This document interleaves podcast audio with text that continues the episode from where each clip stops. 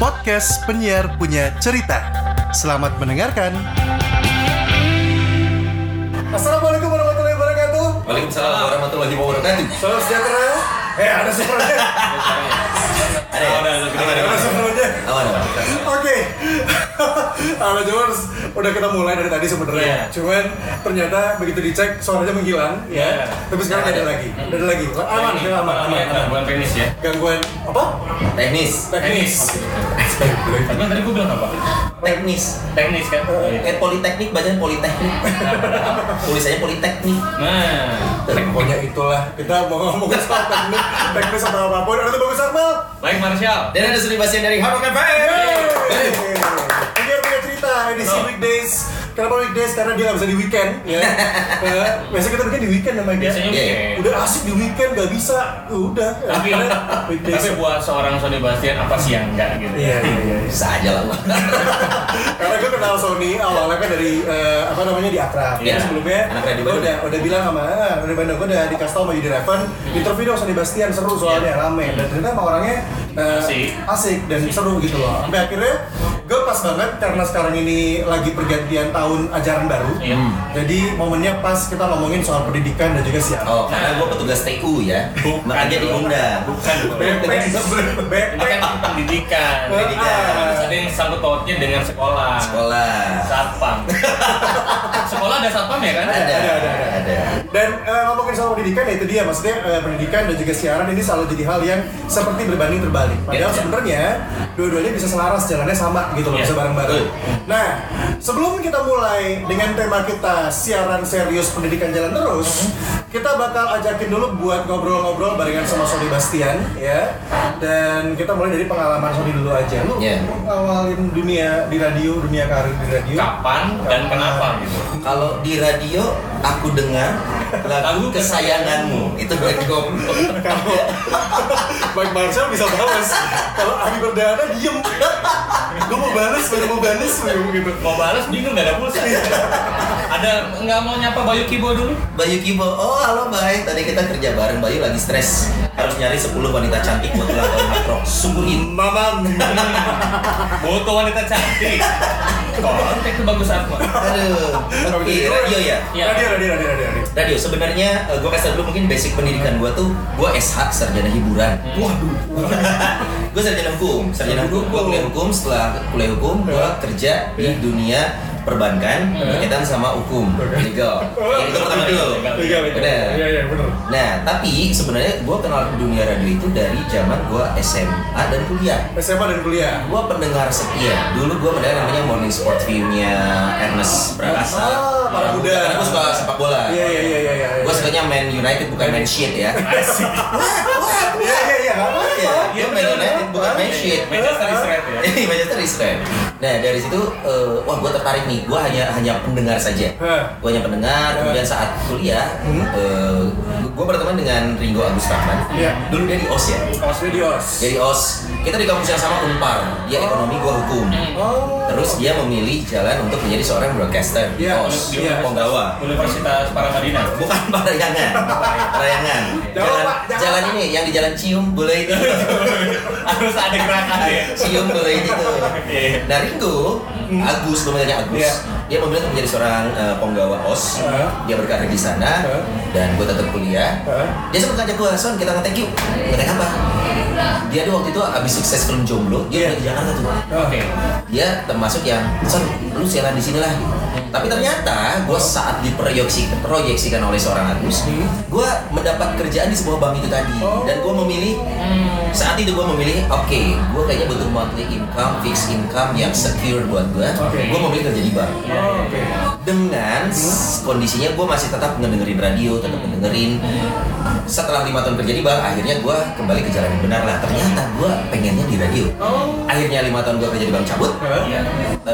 gue mulai apply ke radio yang baru buka, Urban Radio. Urban. Urban. Tapi waktu itu posisinya bukan penyiar, tapi sebagai pemrograman bertahan. Posisinya waktu itu. Oh, gelandang bertahan berarti Berarti termasuk- Eh, Alessandro Nesta. Eh, acara marketing atau PR biasanya Berarti promosi. Ya, promosi pada saat itu Ya. kalau misalkan posisi gelandang bertahan Gelandang Urban waktu itu belum jadi radio ya masih jadi football club Iya. Urban FC ya? Urban FC. gue jadi promosi waktu itu. Lowong lowongan yang tersedia itu promosi, tapi Promosi. gue ngomong sama ownernya. Eh. gue pengen jadi penyiar. Tapi dia bilang oke lu promosi dulu di tengah-tengah. Kalau ada kans lu, lu siaran. Oke. akhirnya lima tahun eh, setelah dua tahun gue jadi promosi gue dapet kesempatan siaran. Iya. Setelah itu di tahun terakhir gue di Urban gue juga dipercaya jadi PD Oh, sempat. Oh, lu video urban dulu? PD Sebelum Abi Perdana. yang ngerekrut recall Abi Openg itu gue Wis. Abi, Anda wajib berterima kasih berarti. Eh belum selesai. Setelah Abi gue panggil, gue cabut. Jadi jebloskan Abi ya. Dan oke, gue balikin, gue cabut. Di situ lah gue mulai mulai di Urban. Ya. Terus radio kedua gue ya ini Hard Rock FM. Tapi. Hard Rock gue siaran aja. Siaran aja. Tapi sebelum sebelum ini, dari Ya. radio pertama yang dimasukin berarti ada urban. Urban. Sebelumnya nggak pernah masukin ke mana-mana dulu gitu radio-radio lain. Biasanya Eh, penyiar gitu. Enggak, enggak karena karena gue udah di era radio modern ya 2010-an ya. Iya. Agak jarang sekarang memasukkan lamaran secara manual Iya. gitu. Karena scouting anak radio itu udah udah udah kebaca. Oh, ini lingkungannya. dari sini, ini dari sini gitu. Udah udah udah nggak ngalamin zaman itu. Iya. Mungkin Akmal masih. Akmal masih. Iya masih. CV kreatif ya kreatif, lebih kreatif. Iya, yang ngalamin lebih kreatif. Iya, tapi maksudnya berarti selama perjalanan dari 2000 berapa sih lu? 2000 gua di tuh 2006 sampai 2010, gua di Urban 2011 sampai 2014. Iya, 2011 kan urban pertama kali kan 2011. Dan langsung peringkat 6 di Kota Bandung. saya Wih, Bandung. Masih. Berkat dekat enam di Kota Bandung. Berkat tahu lagunya. Iya, Bukan iya, bu- lagu bukan promosinya. Promosinya gitu-gitu aja. Banyak lagu sedikit bicara. Pakai RCS. Itu kan Iya. itu penting. salah. Sekarang sudah Zeta. Zeta. Oh, Zeta. Lebih paham. Iya, Iya, mahal. RCS itu tetap bagus. Iya bagus, ini bagus. Oke. Info aja RCS itu ternyata uh, buatannya dari iHeart Radio ya. Dan memang iHeart Radio ini adalah salah satu apa ya boleh dibilang uh, aplikasi yang mewadahi platform-platform radio di Iya. dunia.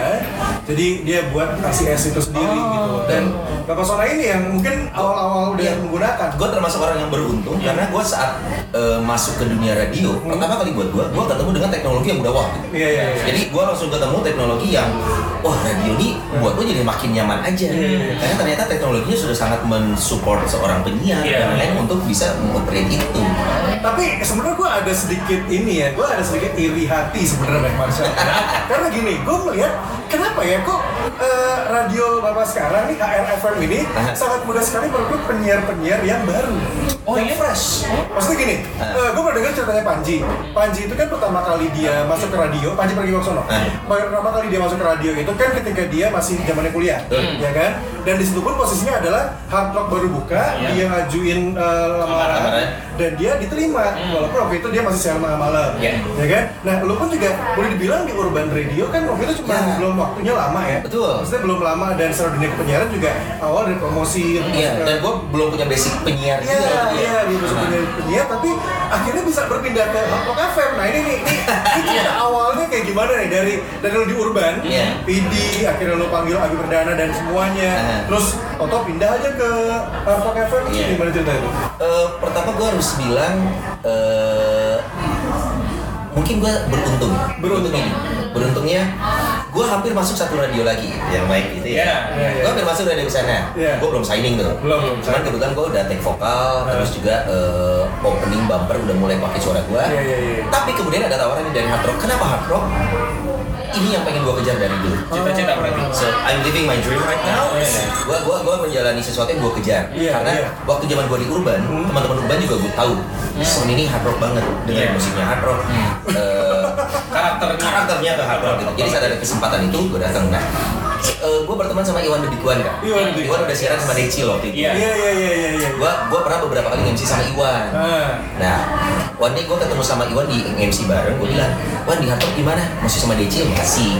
Oh. Kalau ada kesempatan kabarin gue ya. Oh. Kalau ada kesempatan kabarin gue ya. Oke. Dan Iwan ngontek waktu itu. Hmm. Berkat kata-kata itu. Kata-kata itu, Son, DC berencana mau cabut nih, lu mau nyoba nggak? Nyoba ya. Iya, So, nyoba. ini bukan sesuatu yang pasti. Iya, iya, Saat iya. di radio lama gue udah punya kesempatan pasti akan siaran. Ada satu cita-cita yang ini gue jadi inget zaman di Bang coy. Iya, iya, iya. Gue punya kesempatan diajak Agus untuk radio, tapi gue memilih Di Bang. jalan yang menurut gue kurang tepat. Hmm. Aman tapi sebenarnya Aman, kan? aman, Aman, Aman. di Bang kan? Tapi mungkin kalau gue waktu itu mengikuti apa yang gue pengen, Hah? mungkin ya gue dan Rico akan Agus Ringo ya akan seperti gue akan mungkin bisa Iya. langkahnya Hmm. selebar seorang Agus Ringo. Oh. Tapi karena gue menahan itu ya gue memulainya lebih Lebih lambat. lambat. Nah akhirnya dengan adanya kesempatan itu ya gue ambil men. Iya. This is Hard Rock FM. Betul. Sesuatu yang gue kejar, gue coba lah. Hmm. Mungkin penilaian Hard Rock FM adalah eh, kalau yang namanya tandeman itu kan tetap lu mau punya harus ada chemistry men. chemistry betul setuju Mungkin, mungkin dari beberapa nominator yang dipasangkan dengan Iwan Big One, Hmm. Hard Rock melihat Iwan yang paling pas. Oh. Paling cocok. Gitu, paling cocok. Karena biasa kalau kalau tandeman itu kan satu ngumpan, satu nyemes, satu Iya. ngumpan, satu nyemes. Iwan tuh tipikal nyemes. Oh. Hmm. Kalau gua tipikal time out. gua tipikal ngumpan. Yang umpannya siapa kan Gak ada. Jadi eh, mungkin terbaca seperti Iya. itu dan gue juga agak salut sama Rock FM berani mempercayakan morning show, Hmm. Good Morning Rock Show, peninggalan Panji Tike, Iya, iya, iya, iya. Didan Manik Iya. kepada seorang Sony Bastian, tapi ya itu eh, di saat yang sama memang Rock mempunyai pro- mempunyai kepercayaan diri yang cukup tinggi, Hmm. lu bisa gitu. Dan perlahan-lahan, perlahan-lahan akhirnya ya kebentuklah Berarti uh, siaran awal di Hard Rock langsung pagi. pagi morning show gue Wow. sama Iwan One. Itu ngerasa ini nggak sih? Maksudnya ngerasa ngerasa Ada beban? Nggak. Kalau kalau kalau orang yang sudah mengenal gue ya, gue bukan orang yang terbebani, Hmm. gampang terbebani. Enggak, buat gue mah Jalanin aja. semua jalanin aja. Kalau gue sih enggak. Orangnya tipikal pasrah ya. Pasrah Iya. ya. Pasrah gitu dia kayak Enggak gitu. Itu mah permain yupi meleleh. Kalau kalau gue memang buat gue tantangan sih. Iya, iya, iya. Plus waktu itu mungkin gue kayak balas dendam ya. Men dulu gue ada kesempatan gak gue ambil. Iya. Ah. Zamannya sama Ringo. Gak mau Lagu. gak mau ngulangin ke enggak, sama. ya? Jadi gue pikir saat kesempatan datang, ya gue gue harus sikat. Dan ini sesuatu yang gue kejar. Iya, iya, iya. Kesempatan itu ada dua, ada yang dikejar, ada yang datang. Nah, Ini datang, saatnya plus gue kejar juga. kalau nggak ada kesempatan tenang masih ada dana umum kan gitu. Iya, asal jangan lewat penjara sepuluh ribu. tapi tapi ini menarik sih dari seorang Sony Bastian adalah ya tadi yang kita ambil sama Mike ya. Hmm. Maksudnya eh, dia punya kesempatan untuk masuk ke radio ketika dia ada di bank. Iya. Iya. Ya kan, tapi memilih buat bekerja di bank lima tahun di sana, eh, malah akhirnya memilih buat keluar. Padahal sebenarnya kalau lima tahun itu kan kayak eh, momen-momen itu di bank udah eh udah habis Oh, iya. setengah nih, Iya. setengah itu, itu semua orang mempertanyakan termasuk nyokap gue. Adik, eh, aku usia dini tapi panggil adik gitu ya. Eh, Orang tua, orang tua. Iya, orang tua, iya, iya, adik iya. bungsu. Bungsu, bungsu. Adik kenapa keluar dari bank? Hmm. Kenapa adik harus bertahan di bank? Kata. Oh gitu. Karena setelah itu adik nganggur. Gak langsung kerja. Ya, tapi kan masih juga di bank, maksudnya ini ini ini enggak, gue sudah tahu pengalamannya doang. ya. Karena mungkin juga ada teman-teman yang eh uh, jurusan banker juga di sini. Lo ketika di bank maksudnya legal, ya Ya. kan? Lo ketemu sama customer customer juga nggak? Eh, ketemu. Dan gaya lo gitu ngomong gitu, halo apa kabar mbak? Enggak gitu juga. Enggak gitu juga. Enggak, tapi kan harus selamat siang. Halo. Oh, Dengan call station di depannya. Enggak, enggak. Yang pasti 3 S, senyum sapa salam. Tapi bankers banget. ya itu menarik sebenarnya. Itu lo pindah dari bank masuk ke urban. Ya. Di urban juga lumayan 2011 sampai 2014. 2014. Iya. Eh, hampir 4 tahun dan eh, itu urban saat itu juga lagi besar-besarnya. Yes. Ya kalau mau, ya sorry, maksudnya kalau mau dibandingin dengan uh, juga secara posisi di peringkat ya, Ah. eh, urban kan di atas. Nielsen ya. Nielsen ya, Nielsen ya. Bukan billing ya. Nielsen ya, bukan billing. Bukan billing ya. Nielsen, Nielsen, Nielsen ya. Maksudnya lagi di atas, Yes. lagi di atas atasnya gitu. Iya. Iya kan? Tapi akhirnya lo memilih buat eh, lepasin itu dan pindah ke hard rock. Maksudnya Sony ini banyak mengambil apa Mike sebutin Mike? ya? Resiko. Resiko, Iya. heeh, resiko. Tapi ya kan jalannya Ya. sekarang Betul. kayak gini. Keluar keluar dari bank gue gak langsung kerja di urban. Iya, iya, iya. nganggur. Nganggur dulu. Enam bulan. Enam bulan. 6 bulan. Tapi 6 bulan itu gue pakai buat traveling, men. Uh, insight barunya banyak banget luar biasa. Iya, iya. Baru masuk radio. Eh, lepas dari urban, gue juga gak langsung rock. Iya, iya. Gue sempet masih main-main. Vakum dulu ya? Vakum dulu. Ada tawaran dari radio tempat mic dulu. Iya. Dan Inisialnya apa juga. Iya, inisialnya MGT ya. Itu berinisial emang namanya MGT. Semuanya. Oh, Panjangannya apa? Paling kepanjangannya. Kepanjangannya Makanya keluar. Megan- Megantara kalau nggak salah. Banget. Iya bener. Ini udah bertahun kan Megantara. Apa nih? Iya bener. Tanya Megantara ini ini. ini tanya. Meg- M- MGT itu Megantara. Megantara kan dulu. Megantara. Megantara. Sama ke Megantara, ya, saat hampir pasti jadi penyiar, gue memilih meninggalkan itu dan mencoba di radio yang gue pengen. Tuh. Sebenarnya nggak salah ya. Nggak salah, nggak salah. Satu yang pertama kalau menurut eh, mungkin secara di mata hukumnya. Ya, hukum. kita kan ngomong sama sama Esa kan. Iya, mungkin iya. kita menurut eh, berbicara di mata kaki kan Oh, Eh, kamu di sini. Ya kan di mata hukum karena waktu itu Bang Sony ini tidak eh, belum belum Signing. belum signing. Belum saya ini, belum saya ini. Tidak ada keterikatan. tidak ada keterikatan jadi dia mau pilih radio mana pun bebas Iya. ya akhirnya ada tawaran dari Hard Rock yang di mana dia suka banget nih pengen gitu ya cita-citanya diambil langsung Betul. Memang harus diambil seperti itu. Nah, Iya Kom. itu tadi ngomongin soal pengalaman Iya. eh, Sony Bastian di eh, radio. Sekarang jadi siaran Good Morning Hard Rock Hard Rocker Show. Show 6 ya. sampai 10 pagi Senin sampai Jumat. uh set ya dengan Emera Group dengan Emera Group ya. Ah, malu ah.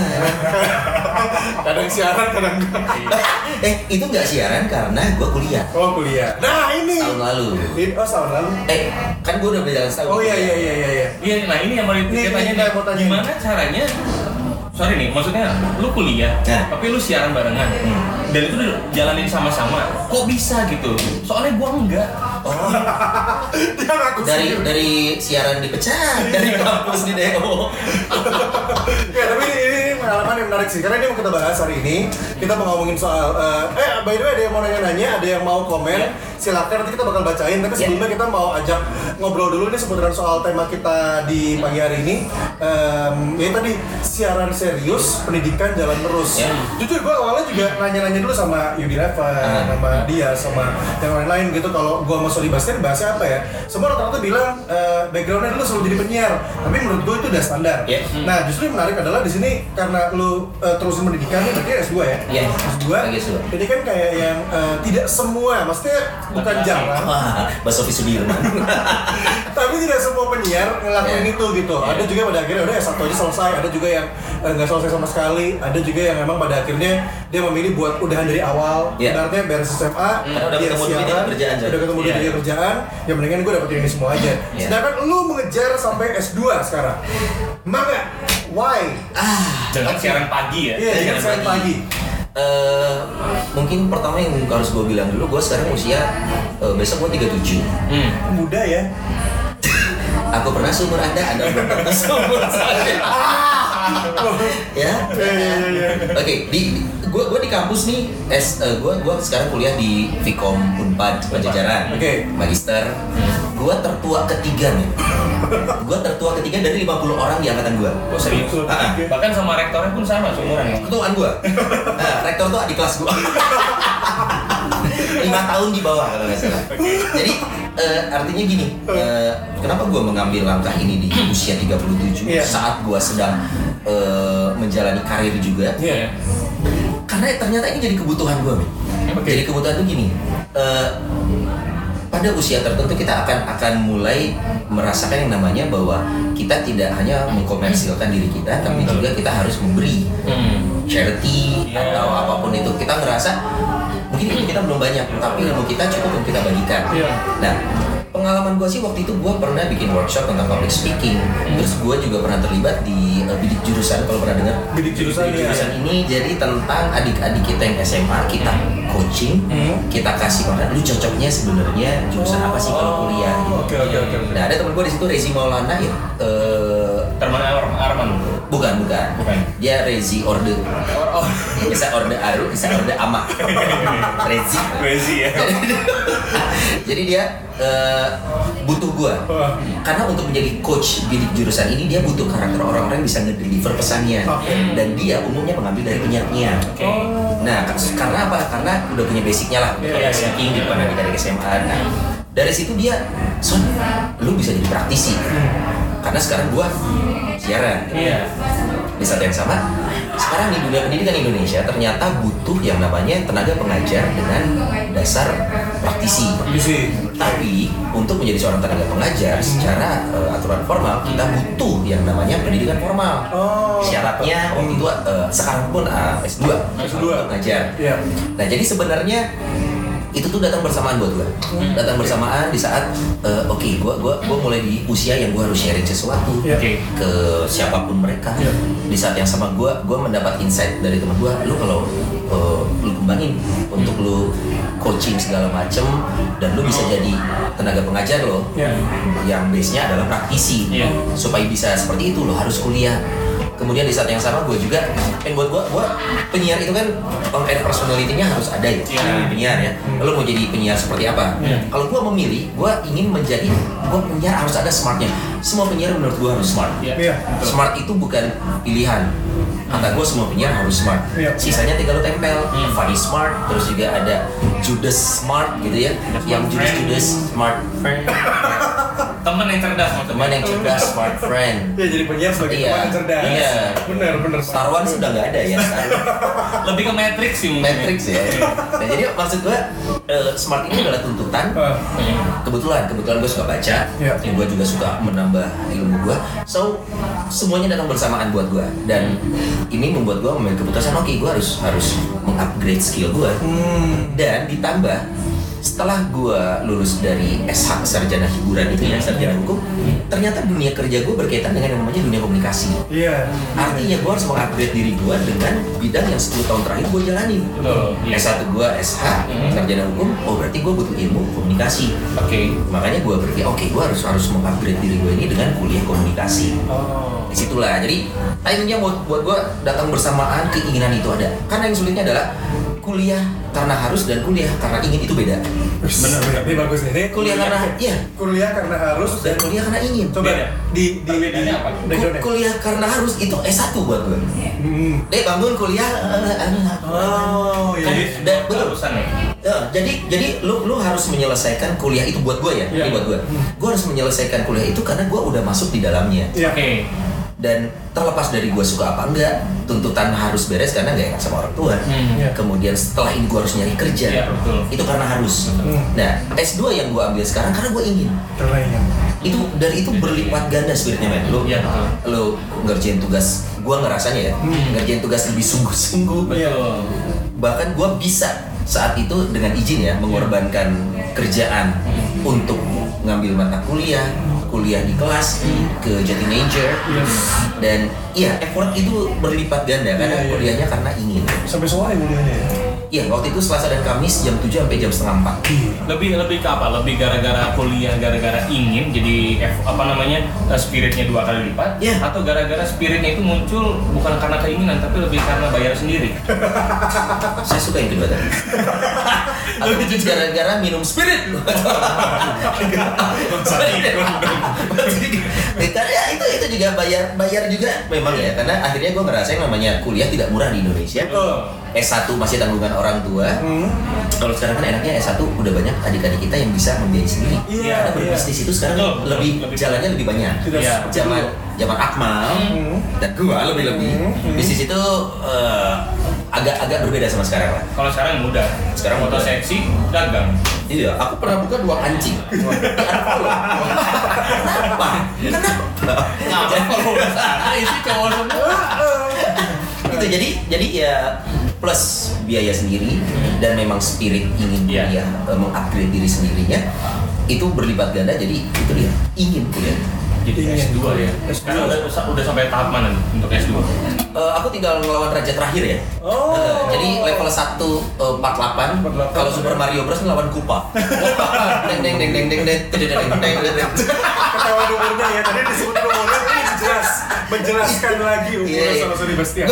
gue ini tesis, gue lagi tesis. Lagi tesis Jadi sekarang. eh, satu tahun terakhir gue kuliah tuh, Nah. kuliah dan kebetulan gak ada kelas karyawan ya. Ah. Makanya gue harus ngambilnya kelas Oh, reguler. yang reguler biasa ya berarti? Di, di Unpad tuh nggak Makanya ada. dari pagi sampai sore itu Ya, weekdays. Weekdays. Masa serius? Serius? Kan ini Selasa Enggak Kamis. oh selasa kamis ya, selasa kamis nggak siaran. Gak siaran. Tap, nah itu dia yang pengen gue kasih tahu nih. Nah, gimana gimana gimana? Ngebaginya Jadi gini, sebenarnya sebelum masuk ke tak berbagi, eh, satu hal gue untuk dunia siaran dan dunia radio, ini termasuk orang-orang yang em, ngasih insight banyak gue untuk dunia radio ya. tapi namanya komitmen di dunia radio itu sangat penting. Iya. Betul. Gua orang pernah eh, di bagian program. Program itu penting banget. Penyiar bolong itu sebenarnya bukan rekomend dong. Iya. Iya. Betul ya? Iya. Itu itu eh, penyiar bolong rutin itu sebenarnya bukan hal yang baik di dunia Iya, radio, betul. apalagi morning show. Iya. Nah, ini yang gue diskusikan sama eh, sama manajemen. Manajemen. Gue akan menghilang tiap Selasa dan Kamis. Is it okay? Artinya, gue gua menawarkan gue nggak mau ngeganggu program Hard Rock FM Oke. karena yang utama adalah Hard Rock FM Betul.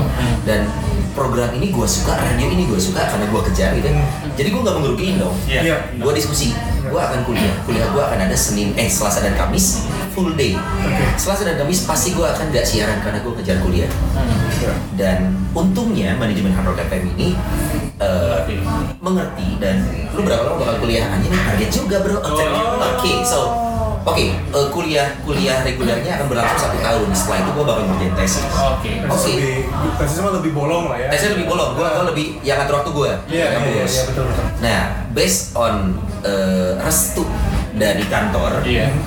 dan kantor eh, kantor lagi kantor, oke kita cari formulanya. Sementara lu cuti rutin, Hmm. sementara lu izin rutin, kita format penyiarnya seperti apa, Oh. gitu. Akhirnya ya itu yang gue diskusikan. Di satu sisi gue harus rela, rela kehilangan jam siaran gue dong. Betul. It's like seminggu gue kehilangan 8 jam. Hmm. Jam. Kali 4 minggu berarti gue kehilangan 32 jam. 32 jam. Walaupun itu tidak berpengaruh terhadap pendapatan. Iya betul sekali. MNA. Aku sih pengen ngomong gitu, tapi kok takut disangka aku. Gue kira tiga puluh dua. Sebel gak sih? It's Ketika, ada penyiar-penyiar yang lagi nonton ya, ya penyiar punya cerita dan mereka ketika ada radionya mati ya dan tidak bisa siaran dua hari sampai tiga tiga hari, itu seperti kehilangan siarannya berminggu-minggu. Iya benar. Kalau gue cuman cuman gak bisa beli baju satu aja kalau nggak. Mohon Maaf ya. Iya. Kepada grup saya angkat tangan. Itu dia jadi jadi penyiar ampuh ya. jadi gue gue harus rela mengorbankan ego gue. Hmm. Gue harus siap kehilangan income gue Iya. untuk mendapatkan income yang lain itu ilmu itu. Ilmu. Gitu. Jadi jadi eh, tapi saat gue harus siaran, gue bakal total. Artinya dengan tidak ada dua hari dari lima hari, tiga hari ini gue 101% effort harus bisa siaran. Gue akan melanggar. Berarti ini mematahkan eh, apa namanya pernah lu statement lu, lu bilang ke Lala Jawa sudah biasanya enggak enggak bukan, bukan buat Lala Jawa maksudnya buat beberapa penyiar ya Oh iya iya iya. ketika eh, jadi penyiar Hmm. itu ada mitos-mitos Oh iya, mitos-mitos saya salah satu mitosnya adalah kan yang pertama mitosnya itu kalau jadi penyiar itu kalau nggak dia kena gejala tipes dia akan tipes. Hmm, Ya kan? Karena Iya. si jam kehidupan Iya, berubah. betul. Ya kan siang tengah malam dan lain-lain. Yang kedua itu adalah secara pendidikannya dia akan ada yang eh, berhenti, ada juga yang lanjut tapi telat. Ya, lama. Telat, lama beresnya. Betul. Ya kan kayak seorang Andika Jamil 6 tahun kuliah. Mas Ayu, Mas Ayu? Mas Ayu Hamdani. Belum beres-beres. Ayo saya, kapan lulus? Dia Maranatha sebelah, dia. sebelah bapak juga beres-beres. dan saya salah satu orang yang termakan mitosnya Oh iya iya. Iya, iya, iya, Saking itu. cintanya kampus sama Mai. Kalau sama mana-mana sih dia aja iya bu iya bu. Iya, iya. Tapi ya itu maksudnya eh, akhirnya eh, semua beres kalau buat Sony Bastian akhirnya bisa membagi waktu. Tapi itu menarik sih tadi. Itu juga jadi satu tips buat terutama buat penyiar baru Iya. yang tadi Sony Bastian sampaikan ya. Tipsnya itu adalah tadi begitu lo sudah mempunyai bargaining position Iya. dan sudah bisa menemukan solusi yang bisa didiskusikan bersama-sama. Kayak tadi kan ibaratnya gue akan kehilangan lo akan kehilangan gue nih Eh, Selasa ada juga Kamis. Kamis karena gue ada kuliah. Tapi gue di sini juga menawarkan ya ibaratnya solusinya Iya, iya. ya kan kalaupun lu nggak bisa pagi pasti kan ada ada sempat ada bulan kayak gitu kan Iya. gue lepas pagi ya udahlah nggak apa-apa tapi seenggaknya gimana nih enaknya tapi Iya. akhirnya dapat boleh selasa jumat eh selasa kamis Selasa lu los tapi yang lainnya tetap siaran Harus siaran. ada bargaining positionnya sih Betul dan dan apa ya eh, pembuktiannya itulah ya yang nanti berjalannya itu ya yang akan terlihat. Siapa sih si dia? eh ada di. CP Eh, Kilas. Dias Kilas bisa. Kok udah malamnya padahal masih siang. Oh ada Dias. pangalungkeun lemper hiji nu ditukar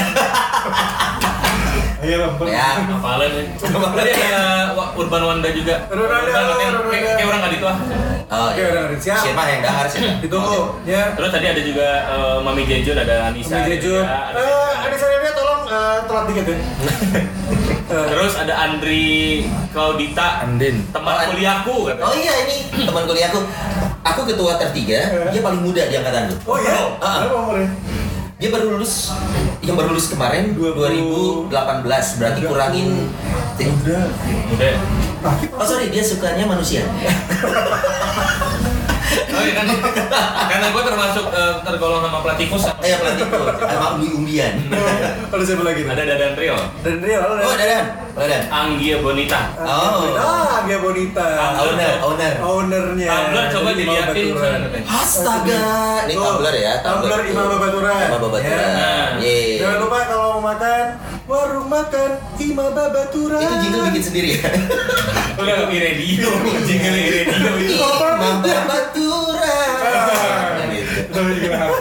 Imam Babaturan. FM. ya jadi biar biar biar biar kerasa kalau kita lagi di Imam Babaturan ya. Ima. Babaturan. Imam ready. Oh ada. Caca, Caca, Caca. Caca Anissa, Caca Anissa, hei. Kalau di tempat kami mitosnya kalau penyiar itu lama nikah kak katanya. Caca di mana? Caca di mana nih Caca? Boleh dikasih tau juga Caca ya? Kebetulan buat seorang Sony Bastian dia sudah lama nikahnya ya, karena dia sudah menikah eh, dan gue mengambil. baru loh nih kan. Eh, baru ya? Baru, gue baru tiga tahun. Bertiga tahun. Bertiga tahun. Caca mau berapa tahun? Bandingin Akmal. Baru Terjebak di dunia pernikahan. gue tuh mau gue tuh mau sharing uniknya Sony Bastian dengan uh, pasangannya tadinya. Hmm. Cuma biarin Sony aja. Oh ini nih karena mereka berjauhan gitu loh. Yes, Iya, 8 tahun. Beda beda beda. Beda usia 8 tahun. Gue belum tahu kalau gitu. Gue belum berjauhan ini kota gitu. Dia long Oh, distance. gue gue beda jarak dan baik itu kota dan umur. Oh serius? Iya, bini gue di Jakarta. Kenapa? Kenapa bisa 8 tahun? Apa menuntut untuk wajib belajar? Oh itu 9 tahun. Iya. 8 tahun ya. Itu di oh di Aceh. Di Aceh. Di Aceh mitosnya gitu. Oh penyiar tuh lama kawin kalau di Aceh. Iya katanya. Oh, oke. Karena usianya masih eh, 12 ya kalau nggak salah. Oh itu bener banget ya. Itu berlebihan kan? Iya. Ada Laksis Mikey. Alex Mikey. Alex. Si dia ngomong apa sih tuh? Komen apa sih dia? Eh dekat katanya. Iya iya. Iya, dia Bodas. dia 14 tahun. Mungkin karena gini kali ya, karena eh, Bang Sony ini dia menghindari mitos-mitos yang ada. Betul. Dia menyelesaikan dulu mitos-mitosnya. Ketika sudah beres semua, oh tidak ada mitos yang terlekat pada tubuh saya, pada diri saya. Saya masuk di radio. Nah, dan akhirnya nikahi yang di radio. Oh, Iya. serius? Dia orang radio juga Iya, ya, di Dulu radio. Dulu di Urban juga. Korban juga. Dulu di Urban juga. Siapa dia stiker? Bu, asik. Soalnya kan gue kenal. Iya. Ya Ricky Satwika. ya owner, owner. Owner, owner, owner. Mas. Wih, Mas Ricky. Bercanda Mas Riki Mas ya. Riki mah orangnya Itu santai. manusia dengan ilmu radio tingkat dewa yang pernah gua. Oke, apa apa yang lo dapetin dari kan ini kan makanya ini kita masuk lagi ke uh, pengalaman di radio. Ya. Ketika ngomong pendidikan dah ya. Uh, tapi kan ini jadi pengalaman dan juga jadi pendidikan juga di radio. betul. Ketika lo masuk ke urban, urban pertama kali berdiri, pertama kali muncul dan di situ ada seorang uh, Ricky, Mas Ricky Mas Satwika. Ricky Satwika, Satwika. Satwika, yang katanya nih karena gue udah lebih berdana nih Mike, katanya emang otaknya wah Cerdas. cerdas banget, parah banget katanya. Lu boleh share nggak? Maksudnya apa sih sebenarnya yang yang yang didapetin dan yang gue sih nggak bilang urban itu eh, apa ya?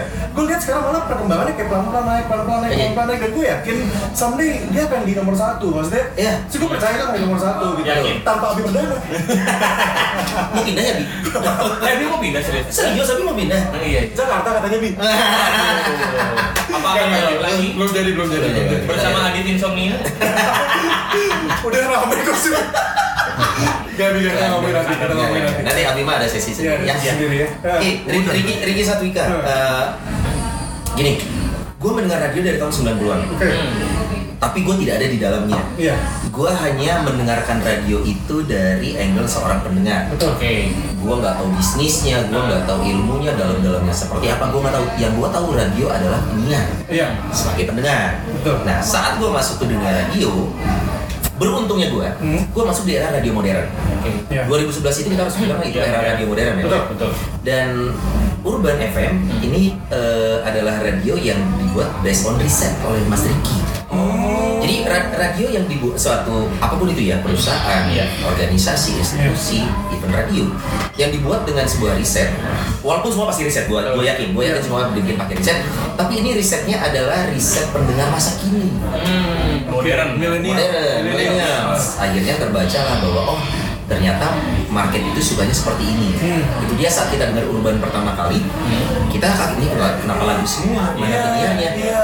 Itu hasil dari riset yang diaplikasikan dan terbukti berhasil. Terbukti berhasil. Nah, itulah yang Mas Riki sampaikan ke gua Oke. saat gua menjadi seorang promosi apa pun itu ternyata radio modern itu kiblatnya itu di Indonesia radio oke tapi kita harus akui cenderung stagnan. Iya. ya. Iya. karena teknologi yang kita gunakan radio-radio Indonesia itu masih adopsi dari luar. Iya. dan Mas Riki gua lu pelajarin radio luar ya. Men saat gua baru masuk radio Hmm. dunia radio gua suruh belajarin radio Amerika radio Malaysia. Dubai, Dubai. Dubai enggak. Paling Wakanda Forever. Wakanda FM sama radio Pantai Gading radio ya? Uganda. Trinidad Tobago Trinidad Tobago juga ada. Dan jadi gua disuruh belajarnya itu radio luar negeri. Iya iya iya. dan itu mendapat insight yang luar biasa buat gua tentang mempelajari sebuah radio. Itulah kenapa seorang Ricky Satika menurut gua visinya tuh nggak segini men Betul. kalau lu pengen pengen radio ini uh, menjadi radio besar, lu lihatnya di sini, lihat di sini. Bukan berarti radio Indonesia jelek, Betul. tapi kita harus akui radio luar negeri much much better. Iya. than Much, much better. Ya, much much better. Betul. Kita harus akui, kita harus jauh-jauh ke Eropa lah, maksudnya untuk di Asia Tenggara kayak Malaysia. Malaysia. ke Filipina. Singapura. Yes, yes. Teknologinya, kemudian Betul. eh, apa sih budaya baru yang diciptakan tentang betapa penyiar-penyiar tahun 90-an merasa kecewa kenapa porsi ngomong gua dikit, Nah, Iya, kenapa iya. banyakkan lagunya. Iya, iya, iya. Ilmu itu sama yang gua dapat dari Ricky Satrika. Termasuk gini, Urban Radio kalau ini di sini ada pendengar urban. Ini kenapa gua ngomongin urban karena gua pernah ada di sana. Iya. Kenapa kok lagu ini sering diputer sih, Mas? Iya, diulang-ulang. Ada teorinya. Ada ada teorinya. Orang mendengarkan radio itu sehari tidak lebih dari 3 sampai 4 jam katanya. Iya, iya. Orang masuk mobil nih pagi berangkat dengar lagu favoritnya suka dong. Hmm. Senang sing along. Hmm. Siang dia keluar kantor dengar lagu yang sama, dia senang dong, senang. Hmm. Pas pulang dia dengar lagu yang sama lagi senang dong, senang. Buat kita yang di kantor, "Beh, ini lagi ini lagi. ini lagi." Tapi buat pendengar ternyata Iya. enggak. Iya, iya. rumus-rumus gitulah yang ternyata yang ternyata diajarin ke gua bahwa son lu lu punya musik favorit itu it's okay Iya. put your favorite music on your iPod Hmm. Oke. Radio adalah radio Nah, setuju gua. gitu karena Betul. musik favorit itu ya simpan aja buat Iya. lo sendiri gitu Iya. lo lo tidak lo harus tahu karakter radio lo seperti apa identitas radio seperti apa segmentasi radio lo seperti apa Iya. dan itu akan eh, ngaruh kan ke apa cara bisnis yang akan dijalankan termasuk pemutaran lagu Karena kita muterin lagu itu buat pendengar, Yes. Iya. bukan buat diri kita sendiri. Betul, bener betul, tadi bener kalau kalau kata Mas Riki bilang kalau lu suka ada ada musik favorit simpen di iPod Bener. atau Iya, iya, iya. gue gak mungkin mau lagu-lagu Siguros tidak mungkin. di Urban FM gak mungkin Betul. Siguros itu Orang pasti bertanya apa itu si Guros? Black Sabbath. Bior pasti ya? Hah? Bior. Bior Bior. iya itu gak, gak diputerin tapi ya lo harus berbesar hati memutarkan identitas radio yang tempat lo bekerja Tapi berarti eh, ini satu insight juga di mana em, apa ya yang yang yang dibawa atau yang diajarkan dengan eh, Mas Vicky ini adalah yang membawa lo sekarang ini juga menjadi seorang penyiar yang apa bisa dibilang ah, pada akhirnya eh, into radio Ya. zaman now gitu. Ya, jadi pola pikir yang terbentuk akhirnya Hmm. eh, dengan gemblengan seorang Mas Riki Sapiga, termasuk di FM juga, ini ini tetap gue lakukan gitu. Iya. Eh, gemblengan untuk selalu berpikir kreatif, gemblengan untuk selalu eh, mencari solusi. Iya. Karena bisnis radio itu itu tiap hari harusnya berubah. Bisnis Tiap hari radio. lu lu harusnya ada perubahan, lu harusnya berinovasi, lu Oh. harusnya membuat sesuatu yang baru. Iya. Itu bisnis radio. Iya. Dan kita di di di push, di push untuk selalu berpikir kreatif. Kita bikin apa nih? Bikin apa nih? Apa yang lagi viral?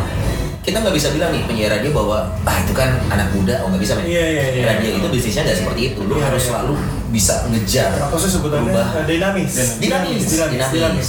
betul. Iya. Dan untuk bisa dinamis itu salah satunya, gua oh gua harus mengupgrade nih. Saya itu gua kuliah tadi, Iya, iya, iya. karena otak gua akan di refresh nih yang tadinya sudah usia 3, 6 something dengan otak yang oh zona nyaman nih kerja. Iya, iya, iya. Oh ternyata gue butuh nih harus untuk di recharge segala macam. Tapi gue harus kuliah lagi. Iya. Dan di, di kampus terbukti, gue awal-awal banyak ya. Eh ngomong naon dosen ngerti Eh, ah gitu. tapi tapi ya itu akhirnya terbiasa Iya iya iya. Dan ini nih, ini- Coba kita bacain dulu ada siapa Ada aja? Eh, yang sebelumnya sebelumnya sebelumnya. Sebelum Sebelum itu, Eh, nah oh, ini ada Caca. Caca, Caca. bilang katanya bukan bukan di Aceh semua sih kak, cuman kami kami penyiar di sini aja iseng-iseng kak karena karena pun kami banyak yang mahasiswa di sini. Oh, Oke. Oke, salam ya buat Buat teman-teman di Aceh, kalau Jorsi Aceh salam ya. Desi juga Nanti ada, kita follow ada teman-teman di Aceh. dia sekilas bilang tak bener Mike puterin buat pendengar kata Alexis Mike tergantung yang aturnya sih ada yang nggak bisa muterin dengan bebas katanya Ah, iya. Ah, iya, iya, iya. Eh, karena sebenarnya shocking itu sesekali perlu loh. iya betul Shock, shock, shock, eh, Ini gimana maksudnya gimana? jadi misalnya dari dari 10 lagu, lo masukin satu lagu yang tidak radio lo banget. Oh iya. Tapi itu hanya shocking aja. Iya, iya, iya. Itu itu hanya membuat orang kayak, eh radio apa nih? Kok ada lagu ini? Iya, iya, Karena iya. biasanya nggak muterin lagu ini gitu. Tapi, itu iya. itu yang pernah itu yang sering gue lakuin sebenarnya Oh, waktu iya. gue mixing kemarin Ah. jadi gue kan harus tahu juga ya ketika gue masuk di radio gue harus tahu nih pendengar gue itu eh, segmentasinya ke mana kayak Hmm. A B C atau D gitu Hmm, hmm, dan ketika dibilang oke all segment berarti ada dong termasuk di situ segmentasi D atau C Iya, Yes. iya, iya. nah makanya kadang-kadang kadang-kadang dia, dia nanya kenapa lu puterin lagu ini Hmm. karena ketika gue puterin lagu yang kasarnya kelasnya C atau B nih Iya. tiba-tiba gue sering masukin satu tuh yang D Hmm. Iya. E Sesekali. gitu sesekali kadang gue suka masukin gitu Iya, makanya shocking. ketika ada yang bilang shocking moment. ini lagunya eh, apa namanya bosen nih lagu diputerin ini mulu bosen buat kita Iya. tapi Iya, buat iya. pendengar belum tentu Makanya jadi saling menarik. nah itu Dan pendengar itu kan untuk teori dasar radio kan pendengar pasif itu lebih Iya. masif. Iya. pendengar aktif. Iya, itu yang menarik. Itu pendengar pasif. kita juga pernah ngalamin kan ya Banyak, iya. ketika, ketika kita siaran pakai RCS Pakai RCS? lagunya itu lagi itu lagi iya dibahas. Bilang aja sih MD. ya kan radio dengan RCS. Iya. Di Bandung cuma dua soalnya, Urban sama MGT. Marah juga sempat pakai kan Marah sempet. Ah, udah ganti, udah ganti. Ganti. Ah. Para muda. para muda sekarang sudah tidak, tidak pakai Ah, tidak balik Tidak balik modal jadi em, kita sempat ngalamin Ah. gue juga sempat ngerasain gitu loh bang ketika gue muterin aduh ini lagunya kok ini lagi ini lagi tapi gue balikin lagi ketika gue ada di radio gue muterin lagu buat pendengar Betul. bukan buat kita Betul, penting itu. Itu itu ego-ego itulah yang harus sama penyiar disadari. Ahok, ahok kenapa sih dia? Ahok, ahok. sudah. nyepet mic gitu Lu nyepet. Nyepet. Yang di atas. Apa Dias? Enggak, bukan. Oh, Eh, bukan. ada lah pokoknya Tapi itu menarik. Tadi gini, enggak, gua satu yang gua ambil gue lupa. Tadi gua eh, tadi satu yang gua ambil lagi adalah ketika Mas Riki meminta seorang Sony Bastian atau gue yakin penyiar-penyiar eh, baru di Urban Radio saat itu untuk mendengarkan radio di luar. Hmm. Karena kebiasaan di kita, ya radio-radio di Bandung pasti memintanya buat eh, masuk nih ke radio Iya. nih. Anggaplah gua masuk ke eh, Studio Is gitu kan. Iya. Yang diminta adalah coba dong lu dengerin radio-radio yang ada di luar. Anggaplah kayak dengerinnya eh, luar tapi bukan luar negeri. Luarnya cuma luar Bandung Iya, atau malah dalam Bandung itu sendiri. Ah. Sebenarnya bagus, ya karena pada akhirnya kita bisa melihat seperti apa lawan kita atau pesaing kita.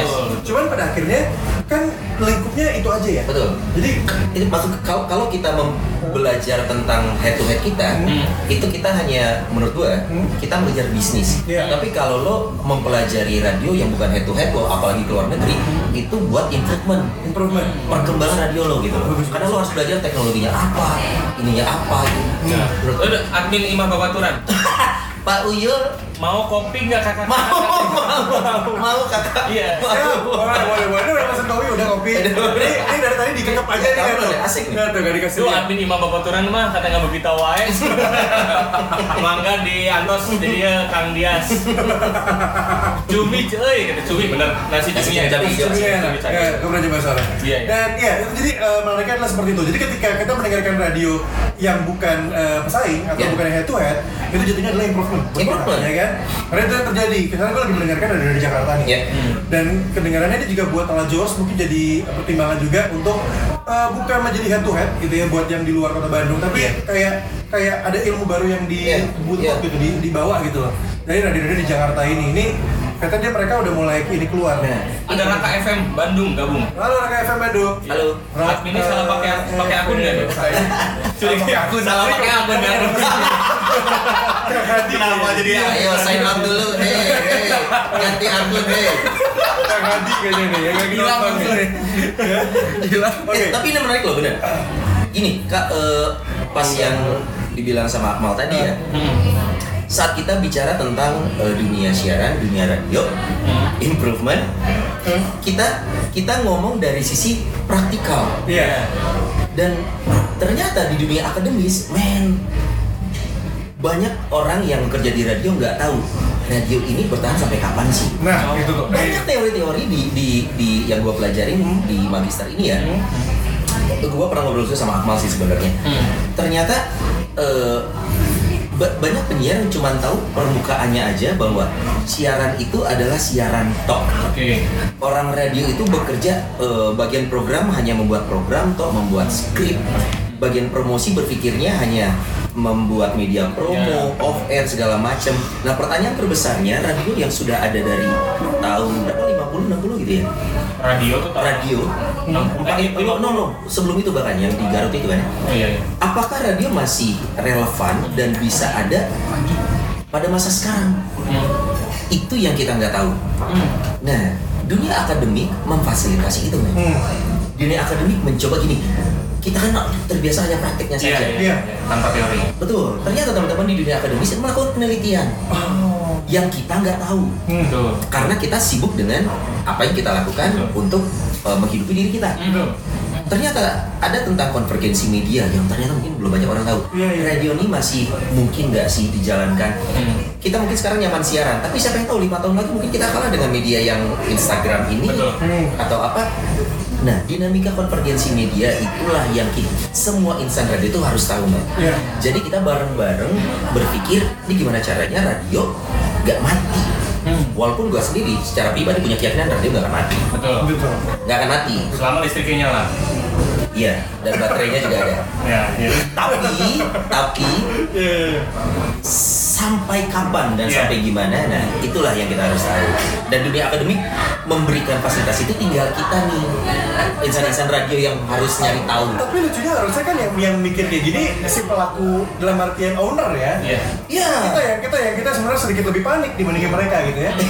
iya iya iya ya, karena kita harus akui kalau namanya owner pasti yang pertama bisnis Bisnis. Iya. bisnis sedangkan untuk eh, keseharian itu fungsi kita lah yang harus Iya, tahu iya. gini gini gininya gitu Iya, iya. nah fungsi akademisi adalah menyajikan data.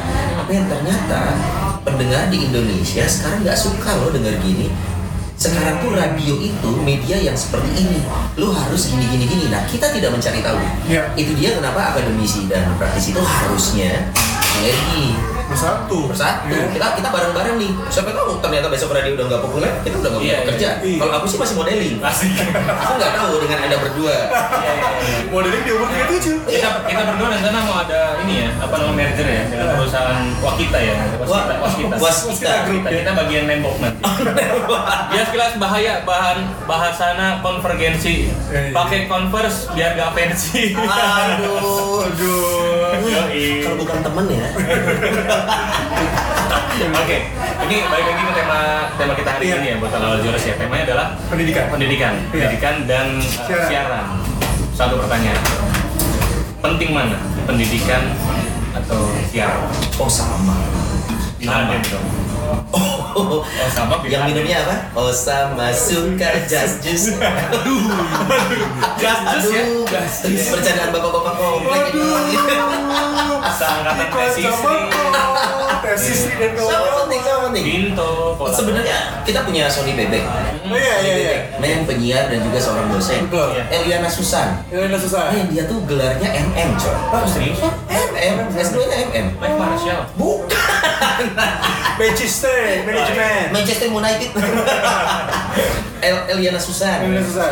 juga sudah meneruskan S2 nya dan dia juga dosen dosen di BSI kalau nggak salah ya nah artinya eh, sayangnya sayangnya kok kalau dilihat penyiar-penyiar mengambil mengambil langkah pendidikan berikutnya usia-usia tertentu ya Iya iya iya.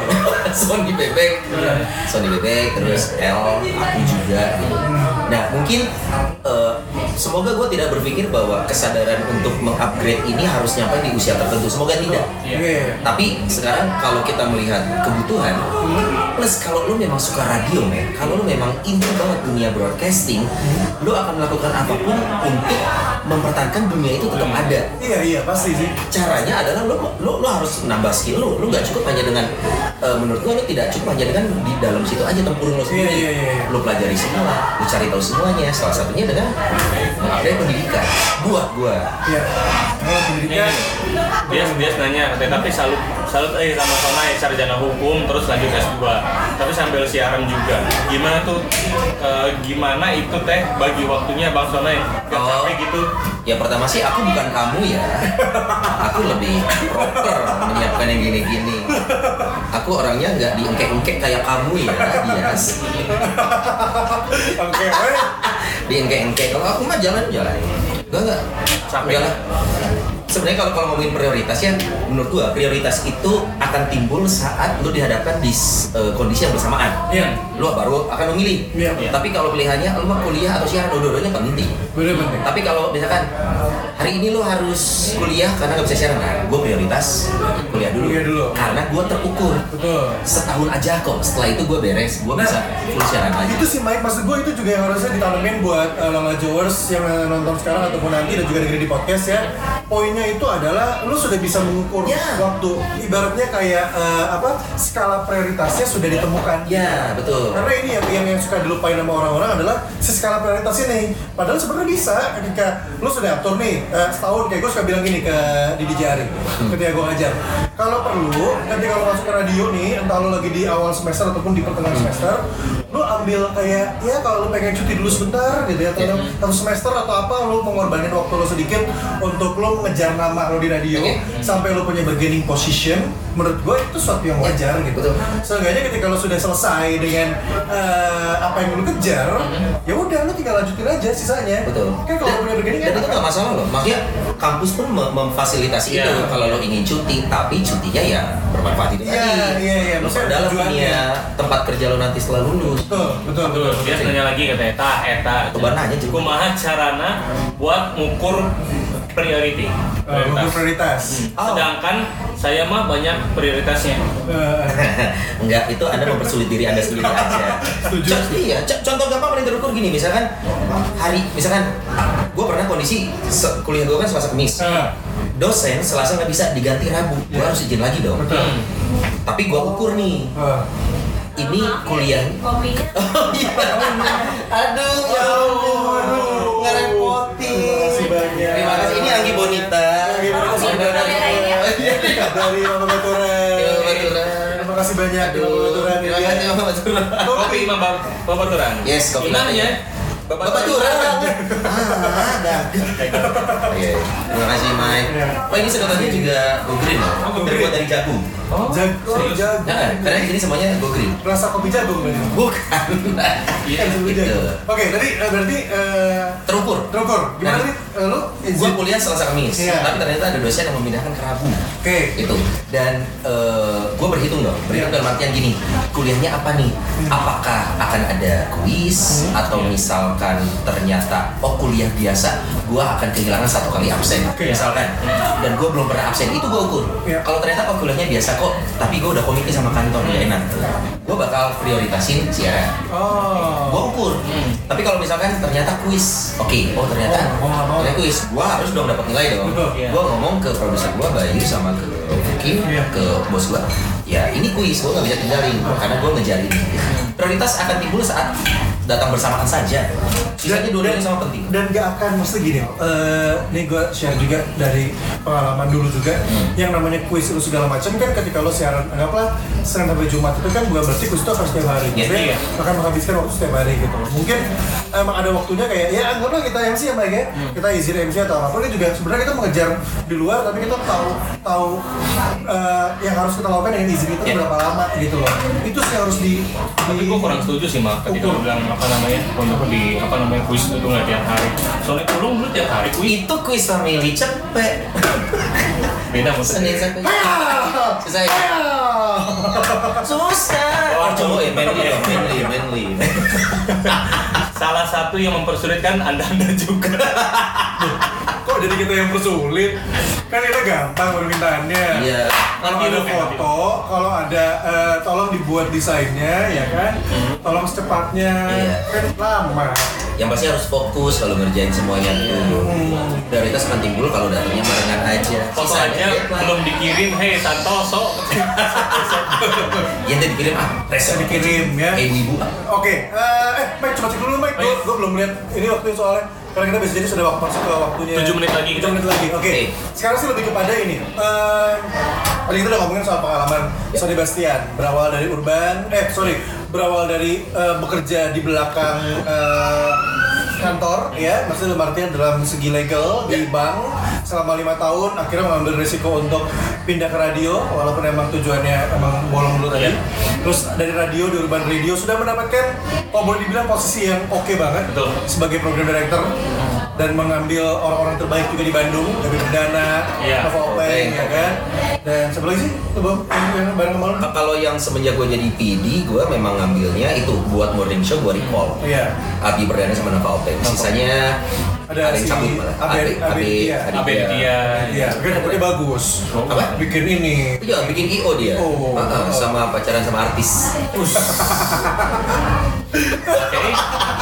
Karena kita tidak bekerja sama dengan Mambe Turah, tidak. udah ada bahasa selanjutnya ya kalau mau nanya langsung ke orangnya aja oke nah terus em, dari uh, urban tapi di urban juga kabarnya yang gue denger dari Abi Perdana dia ini emang dikenalnya di urban sendiri pun hard rockers jadi Karena ketika karakter, karena karakter. bukan bukan. Karena dia dia jadi program director. Orang kan program director kan radionya diputarnya urban ya buat dipantau ya kan? Hmm. kalau di kita kan nggak diputar sama sekali kan radionya kan? Buat dipantau nih si radionya nih. Dia putarnya hard rock Nah, berarti ini kan semakin membuktikan kalau urban radio tidak lebih penting dari saja lah tapi itu, itu karena karena kalau lu sudah sudah tahu apa yang lu mau ini kan banyak orang gini banyak Iya, sekarang iya. orang tuh gua gua pengen apa ya Iya. itu yang sulit Iya. untungnya gua bilang untungnya gua Iya. tahu apa yang gua mau gua pengen di Hard Rock FM Iya. dan itu mempengaruhi ini kan lu udah baca buku Secret belum ya saat saat Uh, menginginkan iya, sesuatu iya, secara iya, sungguh-sungguh iya. alam semesta akan meresponnya Iya, dan betul, betul. dan itu mempengaruhi semua tubuh lo gitu Iya. termasuk gua pernah waktu itu Urban Radio dia nggak putar lagu Metallica ya Hmm. tapi waktu itu ada konser Metallica yang di GBK gua Iya. kejar Morris konser Morrissey konser Metallica. Diputar eh di Urban. Cuman karena gua dan itu segmen rock banget. Iya, iya, iya. kejar gua waktu gua jadi promosi kerjasama dapet tiket. Dan mas akhirnya gebetan Mas Riki iya. Akhirnya eh, gua praktekan. Hmm. oh berarti gimana caranya supaya Urban bisa muter lagu ini? Gua harus kreatif nih bikin caranya gimana. Akhirnya bikin? Waktu itu gue bikin yang diajarin Mas Riki kalau Urban gak muterin Metallica Hmm. tapi kita mau bagi-bagi tiket Oh ya mau nggak mau berarti kan? nah gimana caranya pendengar Urban kok emang ngejar tiket Metallica Hmm. kita bilang aja pengen bokap lu nonton konser Metallica Hmm. Oh, iya, ini iya. ajaran dari Sadwika Iya, iya, iya. Jadi Lag- bokapnya. Iya, Iya, iya. lagunya tetap diputar, Iya. terusnya tetap naik, promosi tetap dapat ID card. Nah, bener. Ini harusnya ya, ini promosi yang bagus. Itu. ID card Kebetulan di Studio. Radio belum ada promosi baru. Eh, eh. Enggak, ini ada masih di sisa 4 menit lagi. Iya. Gue cuma mau nanya gini, kenapa lu suka banget sama hard rock? Ya. Kenapa? Hmm, oke. alasan Kenapa? Gua, gua, gua, gua lahir dan tumbuh di era 90-an. Oke. Gua ngalamin zaman-zaman MTV Alternative Nation, gua ngalamin MTV Jam, MTV Land, Hmm. 100% Indonesia. 100% Indonesia, MTV Party, semuanya gua ngalamin dan itu membentuk selera musik gua. Oh, oke. Oke. Jadi eh, gua akan mendengarkan radio yang mengakomodir selera musik gua. Dan di Bandung itu adalah Hard Rock FM. Hmm. Ya, mulai dari the, penyiar favorit gue di Rock FM dulu tuh Andira Pramana, gue suka banget.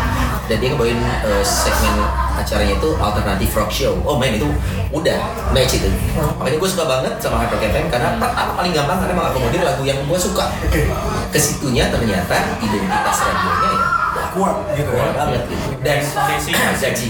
Casey, Casey Kasem. Kasem. Casey Kasem. Casey Kasem. Iya, iya. Itu bapaknya Mike Kasem lebih tua. lebih tua Dias.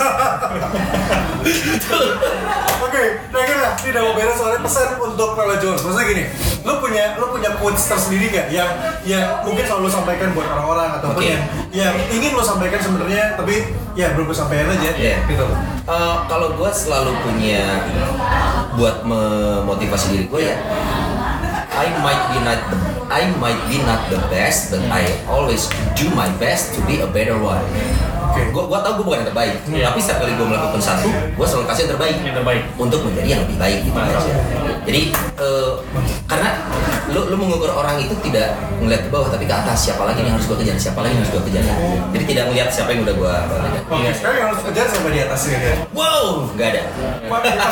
Berarti tidak ada motivasi. Iya dong. nggak nggak itu itu buat gosipin di gue Oh. nah, Jangan ya.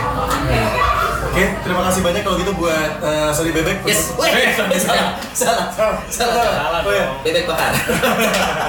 Terima kasih sudah mendengarkan dan follow kita di Instagram @penyiar punya cerita.